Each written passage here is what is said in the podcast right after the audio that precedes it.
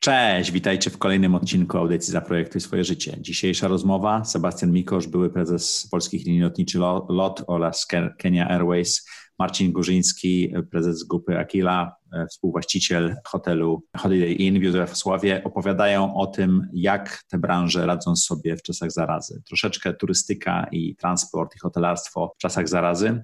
Bardzo ciekawa rozmowa, nagrywana zdalnie e, z Konstancina i z Kenii. E, z Kenią mieliśmy czasami e, problemy, więc bardzo przepraszam, będą takie momenty, że będzie rwało, ale warto posłuchać nie tylko z powodów biznesowych, bo w pewnym momencie udało nam się też przejść na dyskusję filozoficzną o tym tak naprawdę, jak ten kryzys wpłynie na biznes i społeczeństwo. Zapraszam do wysłuchania. Zaprojektuj swoje życie.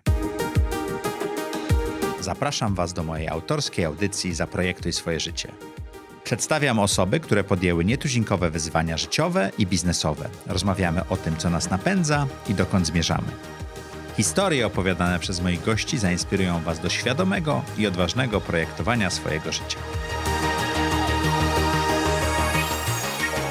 Cześć, witajcie w kolejnym odcinku audycji Zaprojektuj swoje życie. Jak to tydzień w czwartek o czwartej, interesujący goście. Teraz w czasach zarazy nagrywamy zdalnie, ale niesamowitych gości udaje nam się dzięki temu zaprosić, których nie dało się do studia zaprosić. Dzisiejszymi gośćmi Marcin Górzyński z Józefosławia i Sebastian Kosz prosto z Kenii. Nie z, Józef, nie z Józefosławia, nie, nie, nie, z Konstancina. A, no dobrze, no dobrze, to z Konstancina, to, to druga, strona, druga strona Wisły. No i tutaj w centrum nagrywamy.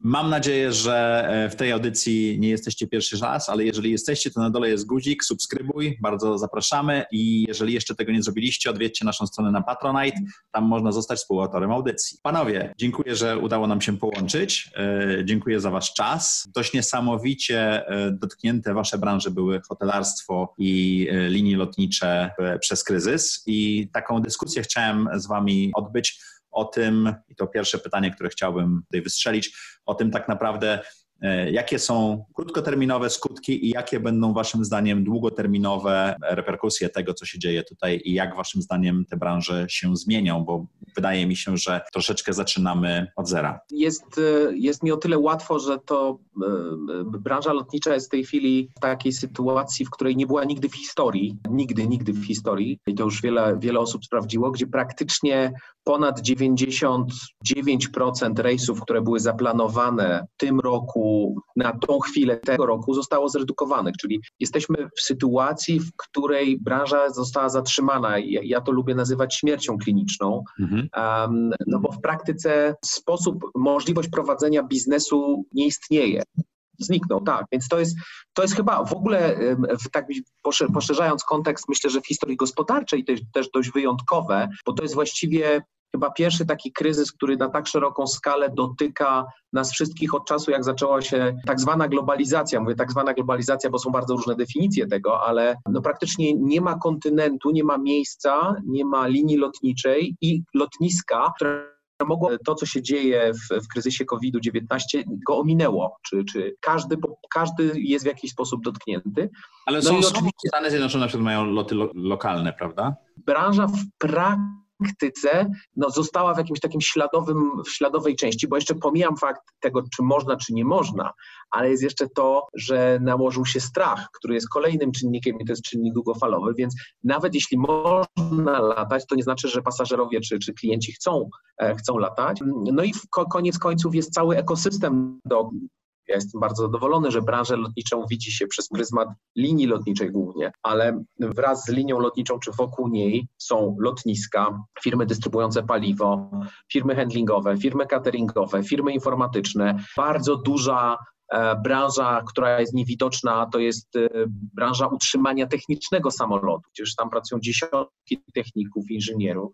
Więc jak stanęły linie i przestały latać, no to z, z nimi obumarł cały ekosystem, który, je, który tworzy te 65 milionów miejsc pracy, o których mówi, e, mówi Ayata, że to są miejsca, które są tworzone światowo przez, e, przez branżę lotniczą. To znaczy nie tylko w lotnictwie, ale wokół, tak? Dla branży lotniczej jest taki, takie powiedzonko, nie wiem, czy nie chcę tego nazywać żartem, ale jak mówi się, że epoki naszej cywilizacji dzielą się na e, e, przed Jezusem Chrystusem i po Jezusie Chrystusie, się, tak? Mówi się before, before Christ i after Christ. No to teraz będziemy mieli to before Christ, before coronavirus i after coronavirus. To będzie Szczególnie taki... w branży lotniczej. Jak długofalowo twoim zdaniem to się rozegra? Nie, no to jest przede wszystkim dzisiaj to jest w rękach nie branży lotniczej, tylko epidemiologów, więc dzisiaj to jest sytuacja, w której branża sama o sobie nie może decydować, bo musi patrzeć na to przez okulary nałożone przez tak symbolicznie powiedzmy e, e, Światową Organizację Zdrowia, tak?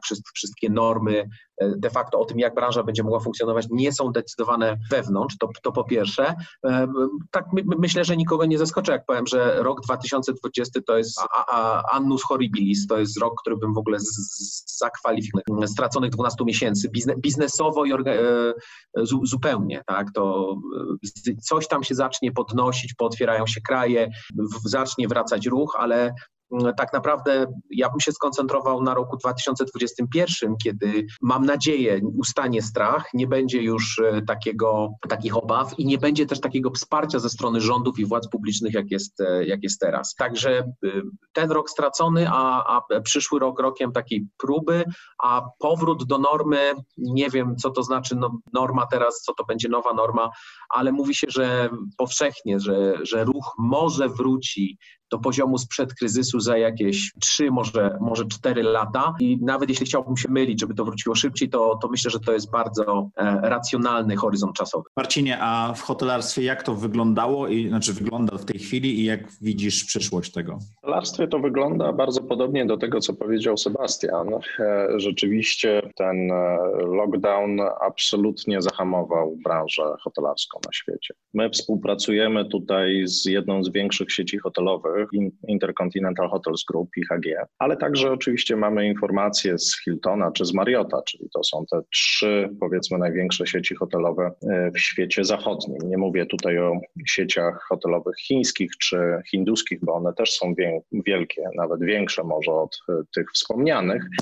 W świecie, który nam jest bliższy, te trzy są największe. I w tych trzech sieciach około 70% hoteli w okresie tego COVID-19 została zupełnie zamknięta, a 30% zanotowały spadki rzędu 80-90%.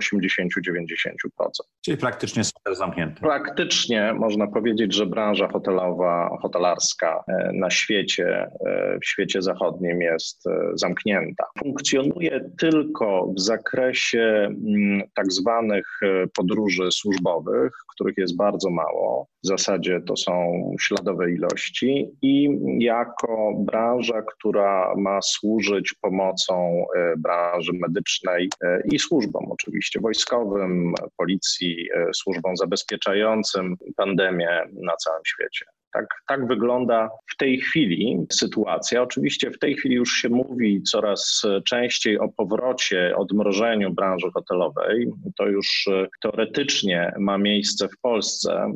Mówię dlatego teoretycznie, bo 4, od 4 maja teoretycznie została odmrożona branża hotelarska, ale e, z bardzo dużymi ograniczeniami i obostrzeniami. Stąd też większość hoteli się nie otworzyła. Czekamy na to, aż e, będzie można prowadzić e, w miarę normalną gastronomię w hotelach, mm, no i rekreację, tak, czyli e, otworzyć baseny, otworzyć spa. Na to poczekamy chyba dosyć długo.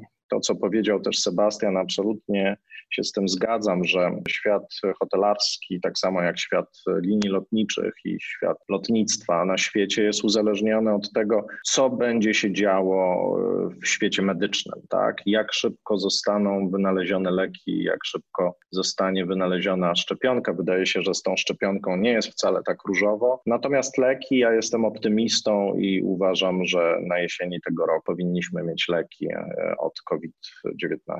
Znaczy pomagające przejść przez chorobę, nie tyle tak, ją Tak, pomagające przejść przez chorobę. Zmniejszające śmiertelność. Tak, no wszystko na to wskazuje, oczywiście, ponieważ moja branża jest bardzo tym dotknięta, więc y, to jest oczywiste, że, że na co dzień to bardzo uważnie śledzę, nie tylko w polskiej prasie, ale także i międzynarodowej i, i wszystko wskazuje na to, że y, badania są już bardzo zaawansowane. Zobaczymy, jak to będzie. No, trudno to na razie Słuchajcie, a mam, mam follow-on, kolejne pytanie, które chciałem zadać, bo, bo obie te branże są bardzo mocno zlewarowane, mają dużo kredytów, czy leasing na samolotach, czy kredyty na budowę i, i operowanie hotelami i tak dalej. Jak to wygląda w tej chwili, jak to będzie wyglądało? No bo ktoś komuś musi zapłacić za to, prawda? Czy bankom, czy producentom, czy Boeingowi, czy Airbusowi, czy bankom, z kolei się wzięło leasing. To wszystko w pewnym momencie stanęło, no bo nie ma przychodów, nie ma skąd zbierać. Jak to się rozgrywa? Oczywiście firmy leasingowe i banki, które w dużej części finansują flotę, która jest rzeczywiście największym kosztem stałym linii lotniczych, no są częścią tego ekosystemu, o którym mówiłem, który został bardzo dotknięty przez zatrzymanie. Więc y, y, tak upraszczając, to myślę, że tak, najprostszą, e, naj, naj, najkrótszym e, doraźnym środkiem jest coś, co można by określić jako moratorium na płatności bo mm, dzisiaj nie działa przez kryzys mechanizm, e, który e, był podstawą do leasingu samolotów. Mianowicie, jeśli linia nie płaciła. Można było zabrać samolot. Tak? Można było zabrać samolot, ten samolot uplasować w innej linii. E, no tak, tylko że dzisiaj nikt tego samolotu nie chce, więc po pierwsze, zabieranie samolotu czy też odzyskiwanie tego aktywa, które się finansowało, nie jest efektem y, złego zarządzania takiej czy innej linii, takiej czy innej sytuacji, tylko mm, no jest efektem, e, nazwijmy to siły wyższej, e, czegoś, co jest zupełnie niezależne od linii. To po pierwsze. Po drugie, nie ma rynku wtórnego, więc, więc nie ma do, do czego to zabrać. Po trzecie, myślę, że nikomu nie zależy na tym, żeby uruchamiać tutaj procedury e, takie bardzo, e, no powiedziałbym, karne, tak, punitywne, czy przyjście i zabranie, bo nie płacę, no wiadomo, że nie płacę, bo nie mam z czego, no bo nie mogę latać, więc z, znowu zabranie tego samolotu do innego miejsca, gdzie nie może latać też nie jest. Więc dzisiaj jest, jest muszę powiedzieć, takie mam wrażenie, ono z różnych dużej ilości w sumie kontaktów w tej branży cały czas, że E, jest duża solidarność. To znaczy nikt nie stosuje agresywnej metody windykacyjnej na zasadzie wysyłania jakichś listów, tylko wszyscy mówią, dobra, to zróbmy tak, podpiszmy powiedzmy moratorium na 2-3 miesiące. Po pierwsze, kiedy, czy będziecie w stanie spłacić, ale myślę, co ważniejsze, czy wy w ogóle tą flotę będziecie potrzebować, bo informacja, która się trochę mało przebija, e, jeszcze ona jest niestety bardzo negatywna, ale jednak nadchodzi pierwsza taka poważna fala e, zwolnień w branży lotniczej sporo linii już zapowiedziało, że będzie redukowało e, zatrudnienie. To naprawdę są bardzo duże procenty, bo to średnio powiedzmy o połowę. A to bierze się z prognoz e, przywracania ruchu. Teraz co to oznacza? No przecież skoro się zwalnia połowę ludzi, to dlatego, że się zakłada, że będzie połowę mniej ruchu, czyli tak zupełnie symbolicznie, że trzeba będzie połowę mniej samolotów. To tak, fatalna wiadomość więcej... dla Boeinga w takim razie, który już miał kłopoty wchodząc w to.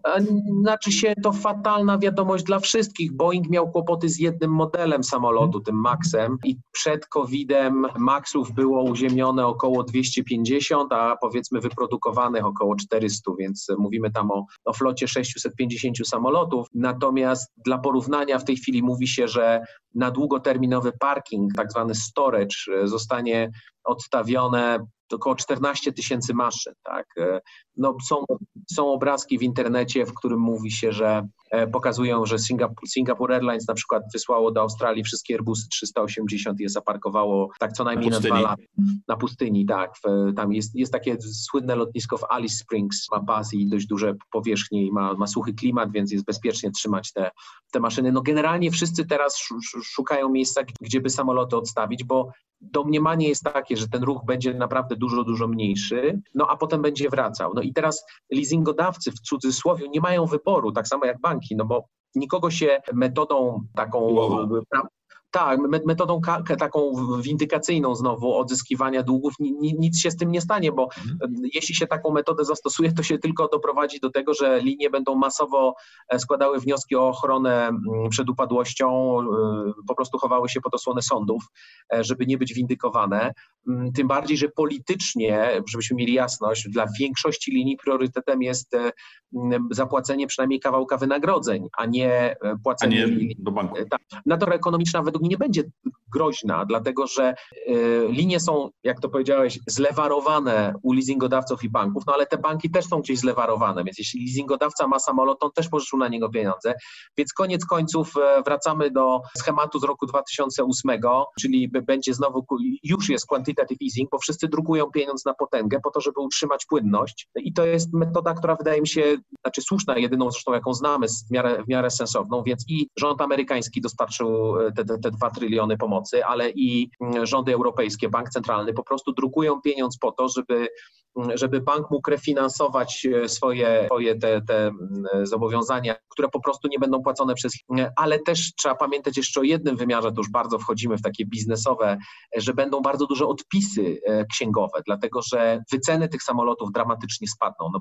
jeśli dzisiaj ktoś weźmie bilansową wartość samolotu, który był wart 100 milionów, a on idzie na parking na 3 lata, a nadpodaż tych samolotów jest powiedzmy, nie wiem, no strzelam, 2000 maszyn, no to jego wartość, e, godziwa wartość księgowa, no to będzie połowa albo mniej, więc będziemy obserwować prawdopodobnie 2021 roku, roku dramatyczne ogłoszenia wyników za rok 2020, gdzie audytorzy po aktualizacji wyceny tych aktywów będą kazali mm, e, potężne odpisy robić firmom, a co oczywiście będzie generowało jakieś gigantyczne straty. Oczywiście to nie jest cashflowowe, tylko księgowe, no ale, ale, ale myślę, że linie z, te, z tego punktu widzenia e, będą musiały...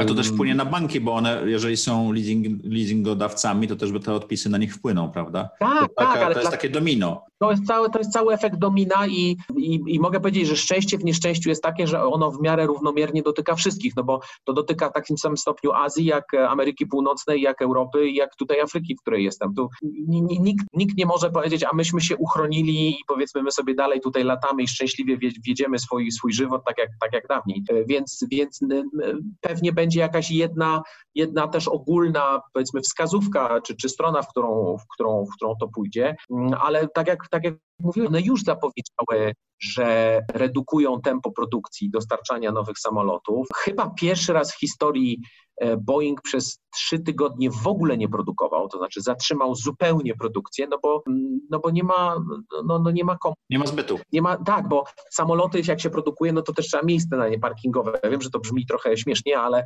jak się produkuje 40 maszyn miesięcznie, no to jeśli ktoś nie odbierze przez dwa miesiące, to jest 80 maszyn, to oni muszą stać. A, a, a procedura odbierania to jest znowu kilka tygodni, więc, więc oni uznali, że najlepiej będzie po prostu, e, po prostu zatrzymać. Także no, no, nie produkować. No jest to, mam taką refleksję, gdybyśmy cztery miesiące temu gdzieś tam we trójkę w okolicy Świąt Bożego Narodzenia usiedli wokół wina i byśmy takie snuli e, przypuszczenia, że trzy miesiące później będziemy o takich rzeczach rozmawiać, to to myślę, że zostalibyśmy szybko zamknięci do jakiegoś zakładu, bo to było po prostu niewyobrażalne. To, czy to zdradzasz, to... moje, zdradzasz moje ostatnie pytanie, ale zostawię sobie to na koniec. Marcinie, tak. jak, to wygląda, jak to wygląda w e, branży hotelarskiej, jeżeli chodzi właśnie o finansowanie i tak dalej? Bo niektóre hotele są w pełni spłacone, właścicielskie, ale bardzo dużo z nich jest jednak mocno zalewarowanych, prawda? Tak, tak. Na całym świecie oczywiście cała branża hotelarska jest mocno zlewarowana.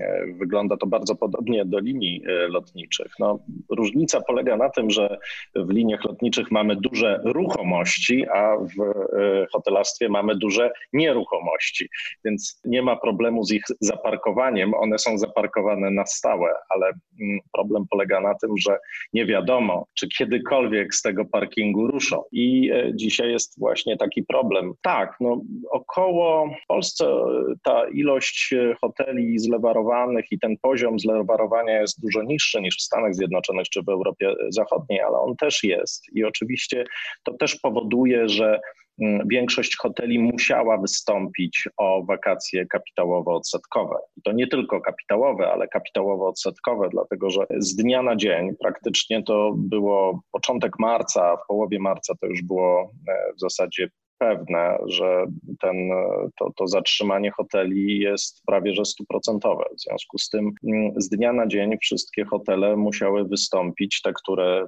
miały oczywiście kredyty w bankach, o y, wakacje. My też to zrobiliśmy. Dostaliśmy w zasadzie z automatu takie wakacje kapitałowo-odsetkowe na 6 miesięcy, no ale oczywiście zaczyna, jest pytanie, co potem?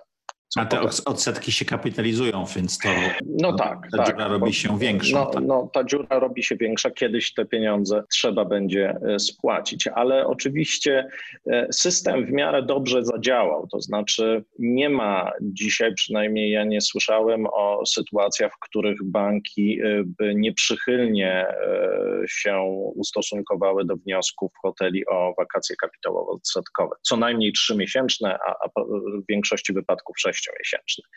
Natomiast koszty finansowania hoteli to nie wszystko. Większość kosztów w hotelarstwie to są koszty personelu koszty mediów i y, koszty oczywiście mm, tak zwanego wsadu do kotła, tak, czy, czy surowców, które się zużywa. I to powoduje, że y, w zasadzie Wszystkie hotele w Polsce zaczęły szukać we wszystkich możliwych źródłach zawieszania płatności. Od podatków gruntowych, poprzez oczywiście wszystkich dostawców, którym zakomunikowały, że oczywiście zapłacą albo będą płaciły, ale w tej chwili nie są w stanie regulować tych płatności. No a z pracownikami no, musieliśmy się ułożyć, tak? I i to też e, tutaj ustawodawca nam pomógł i wsparł nas w tym zakresie. To nie tylko jest case Polski, to dotyczy także innych krajów w Europie e, i na świecie. Trochę jest inaczej w Stanach Zjednoczonych, trochę inaczej jest w Europie. W Stanach Zjednoczonych Olbrzymie pieniądze zostały wpompowane także do branży hotelarskiej, ale cel tych pieniędzy jest trochę inny. Celem pieniędzy amerykańskich jest wpompowanie tych pieniędzy do branży i zapewnienie przetrwania e, inwestorom i, i właścicielom hoteli, ale bez jakby e, względu na to, czy oni będą e, utrzymywać personel, czy też nie. W Europie jest to bardzo jasno skomunikowane macie utrzymywać ludzi, tak? Macie utrzymać wtedy dostaniecie ten, pomoc. Tak, wtedy dostaniecie pomoc. Jest to jeden z bardzo, jest to jeden z głównych fundamentów jakby tej pomocy. To znaczy, jeśli będziecie utrzymywać swój personel, a nie będziecie go y, masowo zwalniać, to będziemy Wam pomagać. I tak to funkcjonuje w Polsce, tak to funkcjonuje w Niemczech, w Europie Zachodniej. W Stanach Zjednoczonych trochę inaczej jest. Także y, tak, tak, tak w tej chwili wygląda jakby finansowa strona y, hotelarstwa. Marcinie, tak, jeszcze, jest... jeszcze, jeszcze może jedną rzecz bardzo ciekawą dodam. To, to, o czym mówił Sebastian też, różnie reagują różne linie lotnicze. W hotelarstwie też tak jest, że różnie reagują różne sieci hotelowe. Widać bardzo wyraźnie, że duże sieci międzynarodowe, te światowe, rzeczywiście były zaskoczone tym koronawirusem. Hoteli, tak samo jak samolotów, nie zatrzymuje się samolot lata od początku swojego dnia do końca, tak, aż do śmierci. Tak samo hotel funkcjonuje od wybudowania aż do generalnego remontu. I w zasadzie do tej pory Nigdy tak nie było, jak w tej chwili jest, że jakikolwiek hotel był kiedykolwiek zamknięty. No, wszyscy ustawodawcy dobrze wiedzą, że hotel działa 24 godziny na dobę, 7 dni w tygodniu, 365 dni w roku. W związku z tym sytuacja, jaką w tej chwili mamy, jest zupełnie absolutnym nową, z którym e, nikt sobie nie do końca w tej chwili zdaje sprawę, jakie to będzie miało konsekwencje w przyszłości. Tak? Więc, więc sytuacja jest zupełnie wyjątkowa. Planowanie, tylko otwartą, otwartą głowę i reagowanie, tak? Tak, tak. To też, to też będzie pokazywało, które hotele przetrwają, a które nie. No, już widać, prawda? Moje jakby prognozy są takie, że dużo trudniej będzie wrócić na rynek hotelom bardzo dużym. Dużo trudniej będzie wrócić na rynek hotelom, które mają indywidualne klienta biznesowego i turystycznego, opartego o turystykę, o zwiedzanie, tak, i w dużych miastach, tak, które nie mają żadnego takiego dodatkowego zaplecza. W związku z tym y, na pewno łatwiej będzie wrócić y, na rynek hotelom mniejszym i średnim, które mają w miarę różnorodną y, ofertę i które nie tylko mogą żyć z samych pokoi z klienta turystycznego. To jest jakby Tak? Krót, w krótkim okresie czasu jakby perspektywa hotelarstwa na świecie. Panowie, format 2 plus 1 zobowiązuje, nie tylko e, prowadzący zadaje pytania, ale również goście. Marcin, jak już byłeś przy mikrofonie, to może twoje pytanie. No dobrze, to, to ja w takim razie może zadam takie e, mniej formalne pytanie. Okay. Zastanawiałem się trochę nad tym, ale sobie pomyślałem, że jak mamy Sebastiana i ciebie, Maćku, to, to zadam wam takie podchwytliwe pytanie.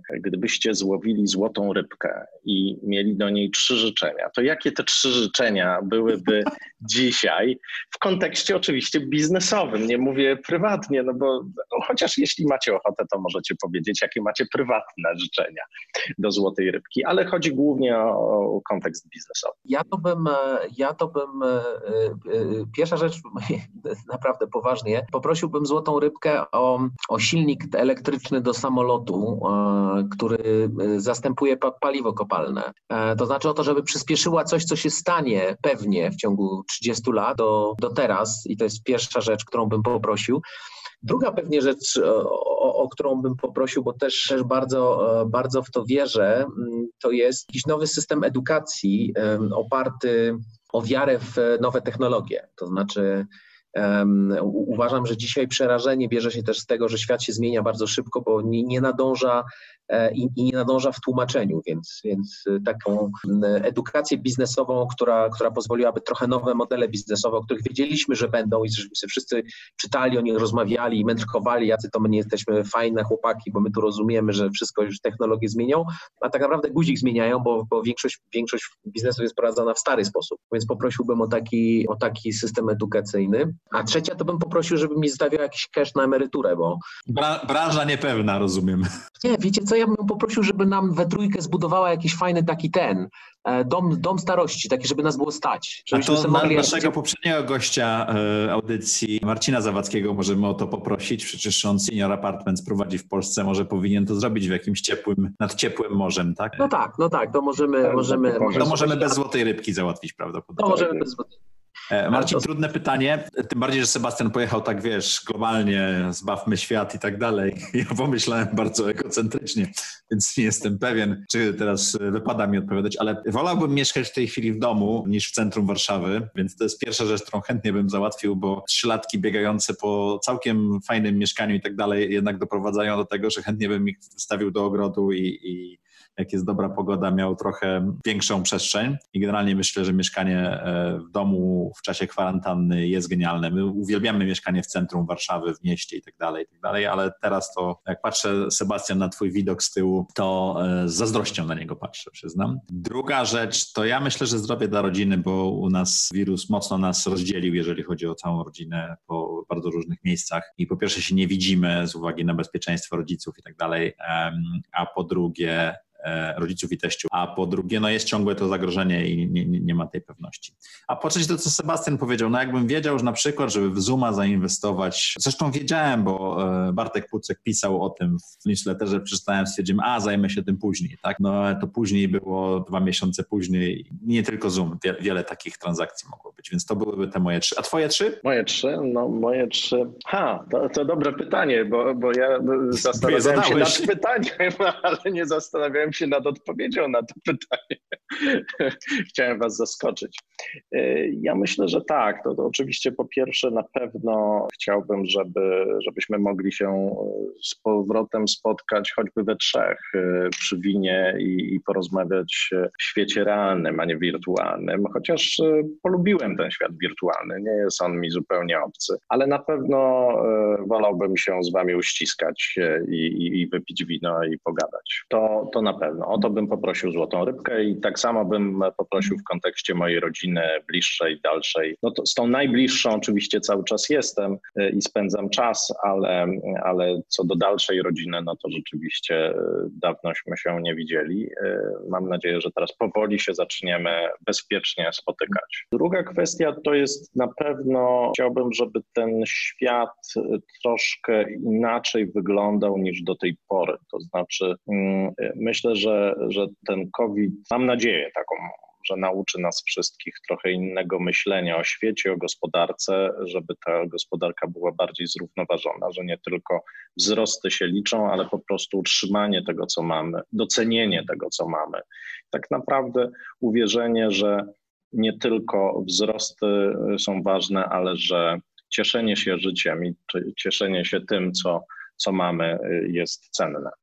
No i trzecia rzecz to jest y, chyba, mm, żeby rzeczywiście y, ten y, biznes w ogóle ogólnie turystyczny zreko- zrekowerował się, tak, odtworzył się, tak, jak to się mówi brzydko po angielsku, no tak, odtworzył się i żebyśmy mogli, bo, bo turystyka dla mnie jest taką dzia- takim działem, olbrzymim działem gospodarki światowej, to jest wszystko jakby licząc z liniami lotniczymi, hotelami, gastronomią i tak dalej, to jest 20% gospodarki światowej. To jest ponad nawet. Które zniknęło w tej chwili. Które, które tak, które się z dnia na dzień zatrzymało. A co jest niezmiernie nam wszystkim potrzebne, dlatego że ja sobie nie wyobrażam, żeby w przyszłości świat mógł wyglądać bez e, kontaktów e, międzyludzkich, takich fizycznych. Tak? Okay. Oczywiście one będą także i wirtualne, ale te fizyczne są bardzo potrzebne i bardzo potrzebne dla naszej psychiki dla naszego dobrego zdrowia i samopoczucia. Dziękuję.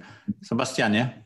Miałem pytanie trochę nawiązujące do schematu złotej rybki. E, to znaczy, gdyby ktoś, e, gdybyś, gdybyście mieli dzisiaj 10 milionów dolarów, które absolutnie nie możecie wydać na konsumpcję, ale musicie zainwestować w coś, co będzie wam e, miało um, dać, e, dawać benefity właśnie na emeryturę, o której mówię. To w jakie spółki, w jakie branże, ale może i w jakie spółki byście te pieniądze włożyli. Nie możecie ich dotknąć, nie możecie ich wydać i możecie korzystać powiedzmy za 15 lat, jak przyjdziecie na, na, na, na emeryturę. Jak przelejesz, to ci nawet powiem od razu. Dam ci numer konta po nagraniu.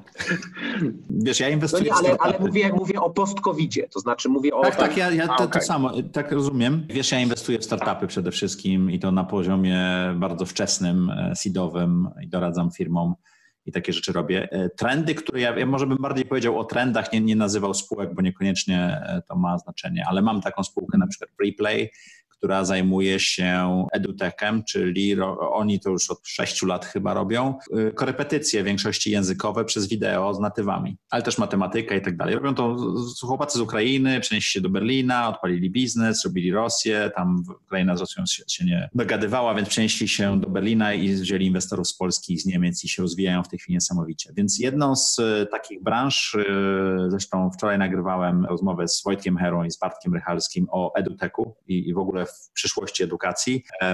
Scott Galloway, który jest profesorem NYU, którego ja uwielbiam, czytam non-stop, bardzo polecam, e, napisał świetny artykuł o tym, co się stanie w ogóle z wyższą edukacją, jak bardzo ona się przetrzebi. Więc to będzie na pewno wszystkie rzeczy wokół edukacji, szczególnie tej e, powyżej matury, bo bardzo zmieni się ta cała sytuacja. Odejdziemy od modelu XIX-wiecznego, będzie bardzo dużo y, takich opcji jak ekwiwalent magisterki czy ekwiwalent dyplomu, gdzie po prostu zdajesz egzamin państwowy czy globalny, ale bierzesz kurs na MIT, w Sydney, w Warszawie i gdzieś jeszcze, bo akurat tych profesorów chcesz i to robisz, co spowoduje olbrzymie przetrzebienie, jeżeli chodzi o to. Jeżeli mówimy o eduteku, to ja bym bardziej skupiał się na tych, co produkują łopaty, niż tych, co szukają złota, czyli całe onarzędziowienie eduteku?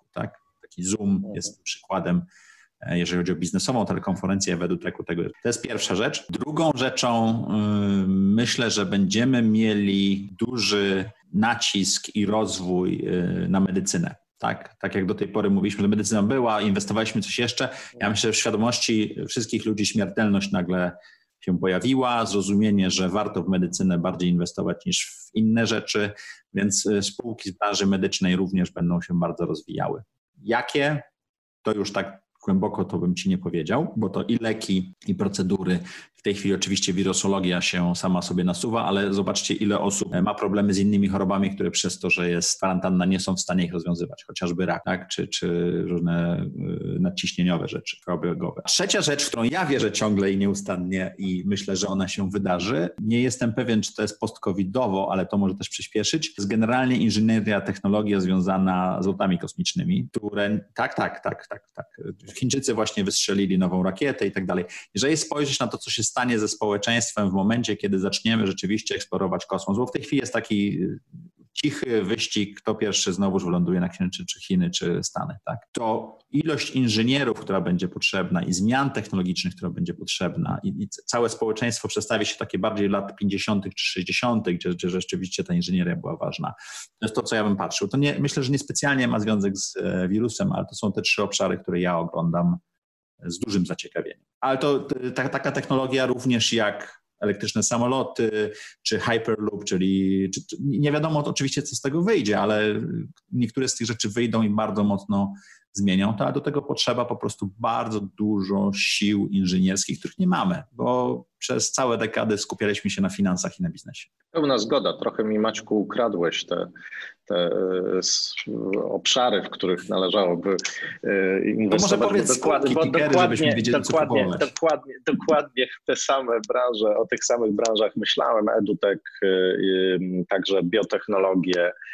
E, no może kosmiczna branża trochę mniej, ale jeśli chodzi o silniki elektryczne, to bardzo chętnie bym w nie zainwestował inwestował. To jest to, co Sebastian wspominałeś, to jest nieprawdopodobna sytuacja w tej chwili, która się dzieje. Nomen omen, e, bardzo silnym e, ośrodkiem, który prowadzi badania na temat e, silników właśnie tych elektrycznych plazmowych jest Wuhan, jest Uniwersytet w Wuhanie i profesorowie z tego uniwersytetu parę dni temu dosłownie, chyba dwa czy trzy dni temu w prasie, dzisiaj to czytałem rano, mm, opatentowali, czy jakby już podali jakby jakby technologię e, silnika elektrycznego plazmowego, to jest absolutnie przyszłość samolotów, to jest przyszłość rakiet, to jest przyszłość lotów kosmicznych, e, ale to także jest przyszłość e, samochodów, tak, to okazuje się. Więc kondensacja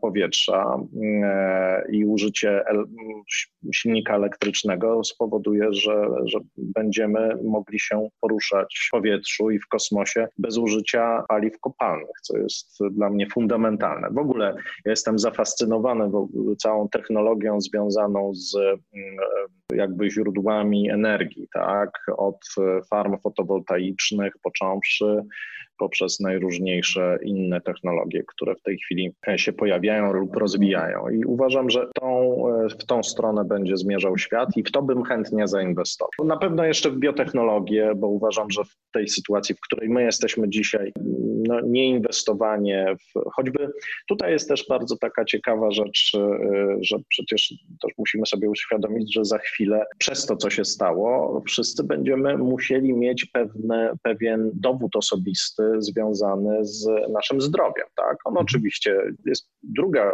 kwestia, czy on będzie bardziej oficjalny, czy nieoficjalny, czy on będzie dla naszej tylko wiedzy, czy dla publicznej wiedzy i jakie zagrożenia się z tym wiążą, ale na pewno w tą stronę będziemy zmierzać i to jest też bardzo ciekawe. Sebastianie, a ty? To, ja, ja, ja jakbym miał wrócić do tych 10 milionów dolarów, to bym podzielił to na trzy takie mm, trzy części. Jedna część, która, która dla mnie jest, e, myślę, konsekwencją post-covidową, to będzie redefinicja łańcucha dostaw.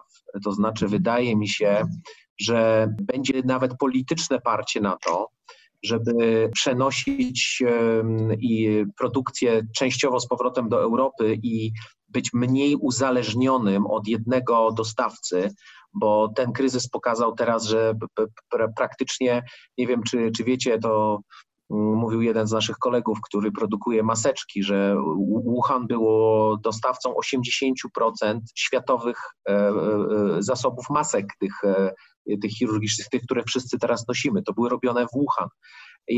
Jak wirus, który wyszedł stamtąd, tak jak, jak się mówi, no to stanęły pierwsze fabryki maseczek.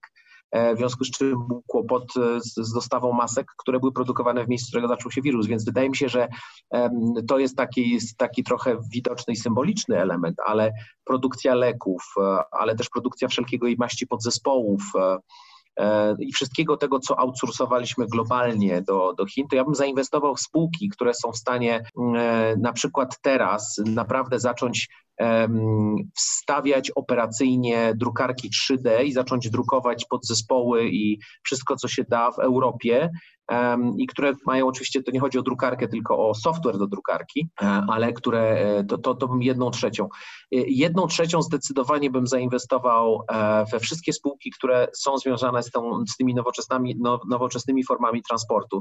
Ja wierzę w to, że drony elektryczne, które są testowane w tej chwili przez co najmniej 100 firm, jest ponad 100 startupów, które aktywnie rozwija różne formy, różne formy dronów i to są i drony cargo, i drony pasażerskie i one zmienią e, i one na pewno zmniejszą dramatycznie potrzebę paliw kopalnych, e, ponieważ e, no, przenoszony ciężar i dystans będą w stanie na, naprawdę zupełnie inaczej zmienić sposób podróży.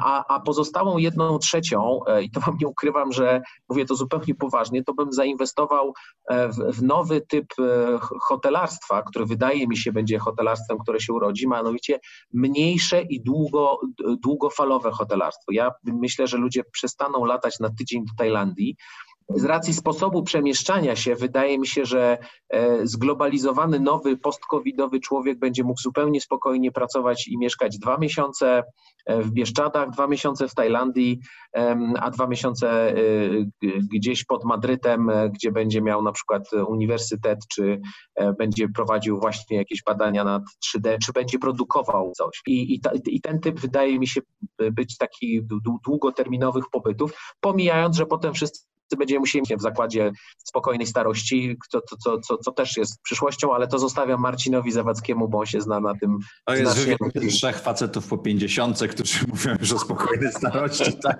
Zapraszamy wszystkich młodszych słuchających za te wstawki. No dobrze. Panowie, po ostatnim pytaniu jeszcze. Ale, ale ja jeszcze jestem przed pięćdziesiątką. Ja też, ja też. Jeszcze rok. Czuję się poprawiony. Czy uważacie, że jest możliwy w ogóle nowy paradygmat dla gospodarki świata? Chodzi mi tutaj o to, żeby stawiać na jakość, na utrzymanie komfortu życia, szczęście ludzi, a nie na ciągły rozwój i wzrost gospodarczy. Czy jest taki w, chwili obecnej, to znaczy, czy ten koronawirus mógł, mógł coś takiego spowodować, że, że myślimy bardziej e, w tą pierwszą stronę niż tą taką tradycyjną, którą myśleliśmy do tej pory? To, słuchajcie, jeżeli spojrzeć, bo ja poczytałem trochę na poprzednie epidemie, bo nie jest to pierwsza epidemia, która dotknęła ludzkości. Pierwsza globalna prawdopodobnie w takim zakresie, że ona się szybko wydarzyła i tak dalej, to tak. wynika z naszej technologii już. Te zmiany były duże, one raczej wynikały ze zmian społecznych i socjalnych, bo nagle brakowało, w Anglii brakowało chłopów, więc potrzeba było zmienić ustawodawstwo i tak dalej, i to się większe zarobki były, większe mieszkania ci ludzie mieli i tak dalej. Tak, wydaje mi się, że przez to, że po pierwsze jesteś, lepiej rozumiemy epidemiologię i lepiej rozumiemy medycynę, ta śmiertelność nie jest taka duża. Raczej nas to dotknęło ekonomicznie niż społecznie, więc nie jestem pewien, że ten taki aspekt socjalno-społeczny, który po prostu zmienia się struktura społeczeństw, um, że to zadziała. Jeżeli spojrzycie na kraje, które są rządzone przez kobiety, to wydaje mi się, że są, radzą sobie troszeczkę lepiej, czy Nowa Zelandia, czy Finlandia, czy nawet Niemcy. Widać tą pewną różnicę podejścia. Jeżeli spojrzymy na takie silne postaci, Trump czy Putin, to tak nie, nie do końca sobie tak dobrze radzą z tą epidemią. Więc ja myślę, że będzie jakaś presja społeczna, żeby to zrobić ale wydaje mi się, że potrzeba na to zmiany pokoleniowej, tak? Więc mamy młode pokolenie, które teraz weszło, rozumie ekologię i tak dalej. Teraz będzie kolejne pokolenie, które się e, w czasie zarazy. Jak to ten dowcip mówi, że pokolenie wychowa, wy, wychowane w kwarantannie przez rodziców alkoholików, tak? Więc jest to możliwe, że dzieci po prostu zauważą zupełnie inny świat i to potrwa i zadziała. Nie wydaje mi się, że to, się, to nastąpi tak hops i będzie lepiej, tylko to będzie powolna zmiana społeczna która może nastąpić poprzez liberalizację, demokratyzację i tak dalej. Parę kroków oczywiście niektóre kraje robią w tył w tym zakresie i to będzie następowało. Inną opcją jest oczywiście rewolucja. Tak? Ja akurat y, od samego początku jestem optymistą i mam wrażenie, że ten kryzys bardzo silnie właśnie przyspieszy zmianę paradygmatu. To znaczy jest kilka rzeczy, które się, które się dzieją i dziać będą. Przede wszystkim dzisiaj nikt nie zatrzyma już informacji o tym kryzysie i o zmianach, jakie on, jakie on wywołał. Mm, więc wydaje mi się, że to, to, to młodsze pokolenie znałem z, z, z jakby z kilku moich e, zajęć, kiedy chociażby jak, jak pracowałem w Iskaju, gdzie, gdzie to byli bardzo młodzi ludzie i którzy mieli zupełnie inny schemat wartości niż, niż, niż nasze pokolenie. Myślę, że ono będzie jeszcze bardziej przekonane do tego, że wzrost PKB przestaje być głównym czynnikiem sukcesu gospodarek. E, są różne już mierniki, jest ten miernik Giniego, ale są też inne mierniki, które w tej chwili są, są ustawiane e, zrównoważonego rozwoju i wydaje mi się, że to, to, to od tego już nie uciekniemy, bo nie będzie można powiedzieć, bo my robimy to inaczej, bo to nie będzie kwestia narodów, tylko pokoleń, a te pokolenia ze sobą komunikują tak, jak my ze sobą e, już komunikujemy, tylko one to już, one to już robiły. Więc co do tego jestem przekonany, że presja, presja będzie dużo większa, tym bardziej, że na drugi plan według mnie schodzą demokrację. To znaczy, ten kryzys jest wielką porażką demokracji, które kompletnie nie potrafiły sobie poradzić z tym kryzysem. Pokazały taką ścieżkę i będzie teraz demokracja, czy ta, ta liberalna demokracja według mnie trochę zejdzie na drugi plan i nie będzie ważne, kto nam jak, kto nam jak rządzi, byle przestrzegał tych zasad, które my wierzymy, dają nam poczucie bezpieczeństwa zdrowotnego i poczucie bezpieczeństwa o Taki model Singapuru? Tak, trochę taki model e, Singapuru, który zresztą fantastycznie sobie poradził z, z COVID-em, co pokazuje, że ale jest, jest, e, jest sporo, sporo przykładów krajów, które E, które, które no, nigdy nie świeciły jakoś przy, przykładem, a, a, poradziły sobie z tym kryzysem. I tu mamy, a, a, de facto największa demokracja świata, o której się uczyliśmy, czyli Stany, e, no, no, no nie jest to najlepszy okres, jaki oni znają i nie jest to, nie są, nie są liderem, nie budują wiarygodności, nie, nie, nie pokazują. Czy Wielka Brytania? Chociażby. Tak. Znaczy jest to, jest, to jest chichot historii, tak, że premier, który ignorował wirus i się z niego śmiał, potem, e, potem był na intensywnej terapii, żeby... Z, to, to, to, to, jest, to jest takie trochę postawienie do kąta tego, tego wszystkiego, e, więc wydaje mi się, że e, dzisiaj ten, te, ta, ta refleksja będzie, bo ona będzie podtrzymywana cały czas. Ja na przykład uważam, że czas spędzony wspólnie w domach, bo słuchajcie, pamiętajcie, że to nie jest, to nie przypomniały mi się zawsze słowa mojego dziadka, który opowiadał o wojnie, o tym, jaka to było, jaki to był prawdziwy Armagedon. Ludzie się zabijali, palili domy, mordowali się, kradli. Czy nie było powrotu do przeszłości, a my, okej, okay, no, jest to duży dyskomfort, ale suma summarum kazano nam siedzieć w domach i spędzać razem czas. Coś, co kiedyś, o co kiedyś walczyliśmy wszyscy, żeby mieć czas na, na czas z rodziną. Okay. I możemy sobie porozmawiać, możemy sobie porozmawiać tysiące kilometrów od siebie, tak? I nagrać to, bo technologia na to pozwala. Nikt, nikt, nie, nikt nie, nie, nie głoduje, nikt nikogo nie zabija z tego powodu. E, skala zachorowań i śmierci na skalę świata jest, jest znacznie mniejsza niż innych chorób. Ja cały czas mhm. e, chcę przypomnieć, że 25 tysięcy ludzi codziennie umiera na raka na świecie, a, a, a mówi się o tym, że tutaj zmarło 300 osób, tu zmarło 400 osób. Przecież zachowajmy też, e, też proporcje w tym wszystkim, więc może ten czas i te refleksje sprawią, że te trendy, o których, których słyszeliśmy, będą po prostu inne. I, i to, to na trwałe zmieni nasz sposób postrzegania wartości, czyli pieniądz nie będzie już tą wartością, e, która decyduje o wszystkim, że będą zestawienia per, e, e, dochodu per capita, ma, ma, ten, jak to było, MacBurger Index porównujący, ile można hamburgerów kupić, tylko będą inne elementy, właśnie chociażby dostępu do, do, do, do medycyny, ale nie mierzonej wydatkami, tylko mierzonej długością życia, jakością, zdolnością reagowania, czy będą, według mnie to naprawdę, oczywiście i to się, się nie stanie, także odpowiadając jeszcze na pytanie, to się nie stanie e, tak jak się też czasami odczytuje takie oczekiwania, że w poniedziałek wyjdę na ulicę i tam będzie inny świat, inna epoka. Nie, nie, nie, bynajmniej. Da, dalej wszystko będzie tak, jak było. To zajmie pokolenia według mnie to zajmie mniej niż pokolenie, bo mnie się wydaje, że my naszym dzieciom już nie możemy opowiadać tej samej historii ekonomicznej, którą my znamy, tak? Chociażby jak to, co mówisz o studiach, nie? Idź na studia, zrób magisterkę, a potem dostajesz pracę, a potem się tylko martw, żeby ci stykło do emerytury. To jest w ogóle schemat, który nie istnieje. Już, już przestał istnieć. To już przestał tak, nie ma go. Bo, bo jako rodzice totalnie niewiarygodni, tak? Bo chociażby to, co się wpisywało do biznesplanów, e, przecież nikt nie wpisał do żadnego biznesplanu na świecie, że całe, wszystkie linie światowe zostaną uziemione, a hotele nie będą miały w ogóle gości. No, nikt mhm. nigdy w biznesplanie nie zakładał czegoś takiego. A teraz jak ja powiem dziecku, wiesz, to się tak nigdy nie działo, to on powie, tata, przed COVID-em to gdzie wszystko jest możliwe, tak? Że w ciągu trzech tygodni cała struktura wokół, taka, taka żelbetonowa, wokół której się budowaliśmy, że ten pieniądz jest stabilny, w złoto może zainwestować, a nieruchomości to są zawsze bezpieczne, a hotele to się nigdy nie zamykają, a samoloty ciągle latają. No i teraz będzie, jak mówił ksiądz Tischner, tak? Jest tylko prawda, jedna prawda i ta, no, no, no, no, no i, I ta ostatnia prawda. prawda. I ta ostatnia. No, no, no, tak, nie, tak. no po prostu wszystko się może, wszystko się może zdarzyć. Tajeb napisał, dopłynął czarny łabądź do brzegu, wyszedł, no i, no i ten, no i się pokazał. Kaleb w swoim wywiadzie mówił, że to nie był, że ta epidemia nie była czarnym łabędziem, bo była do przewidzenia. Tak? I to jest jednak, tutaj się akurat z nim zgodzę, że myśmy po prostu zignorowali prawdopodobieństwo czegoś. Ono nie tak. było zero. Tak. To prawda, tak. ale epidemia była do przewidzenia, ale e, zamknięcie gospodarek światowych wszystkich naraz, to według mnie nie było do przewidzenia, bo można było zakładać, że...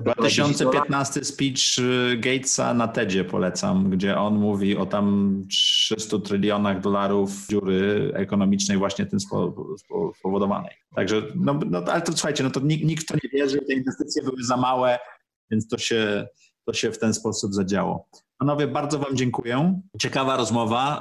Z, z, biznesu zeszło nam na filozofię, ale to chyba znak, bardzo duża oznaka czasu. Mam nadzieję, że jak to wszystko minie, każdego z Was będę mógł w studiu gościć na taką bardziej intymną rozmowę o Was osobiście, a nie o tym, jak siedzimy. Moje ostatnie pytanie, jeśli mogę sobie zadać, troszeczkę podobne do tych, które tutaj były, ale gdybyście siebie, taki był sketch na Facebooku, widziałem, gdzie pewna e, stand-uperka amerykańska spotkała siebie sprzed czterech miesięcy i rozmawiała. Jak nie widzieliście, to wam wyślę linka, bo się mocno uśmiałem. E, gdybyście siebie zobaczyli trzy miesiące temu, to co byście sobie powiedzieli? E, żeby się nie bać, bo przeszedłem fazę strachu. Może z racji tego, na jakim kontynencie mieszkam, ale e, wyobraziłem sobie wyobraziłem sobie naprawdę to, to, co wam mówiłem, tę historię mojego dziadka, że to jest ta moja wojna i że może ja będę musiał uciekać przed głodem i pożogą na piechotę, na piechotę przez tutaj dżunglę afrykańską, bo nie wiem, w którą stronę to pójdzie.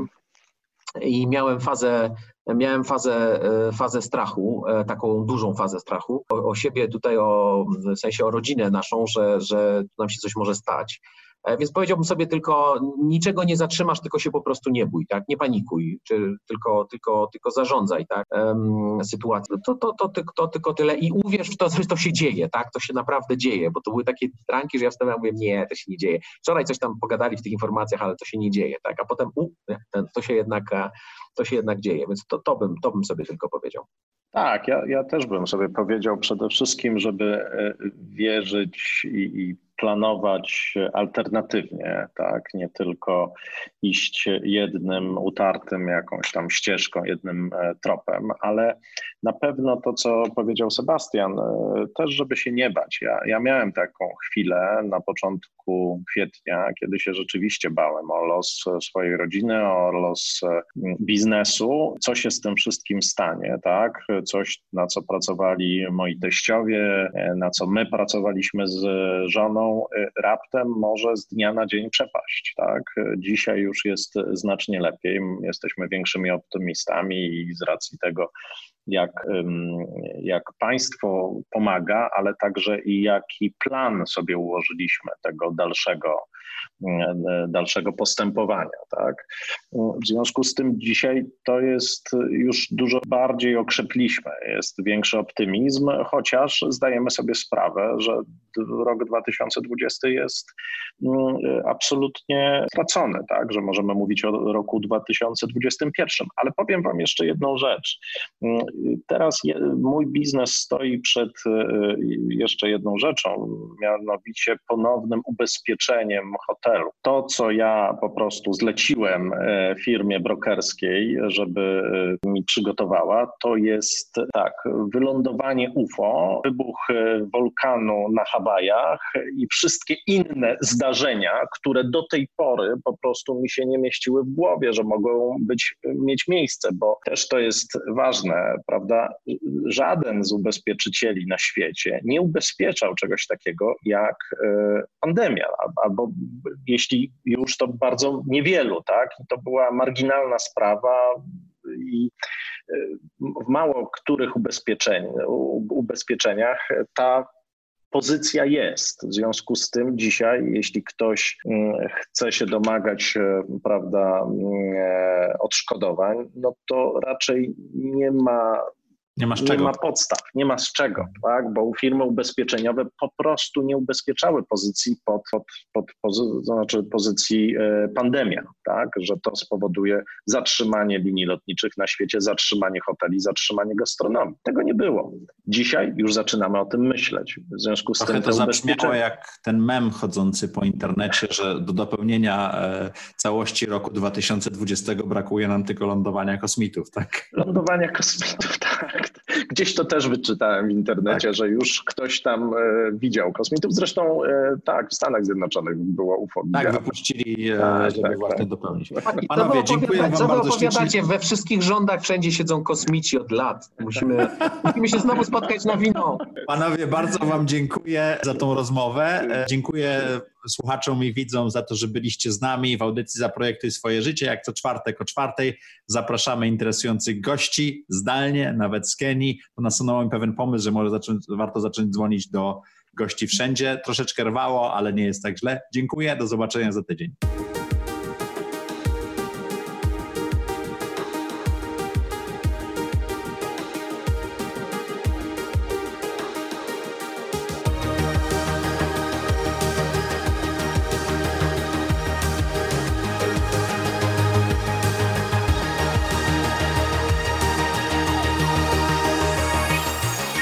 Zaprojektuj swoje życie.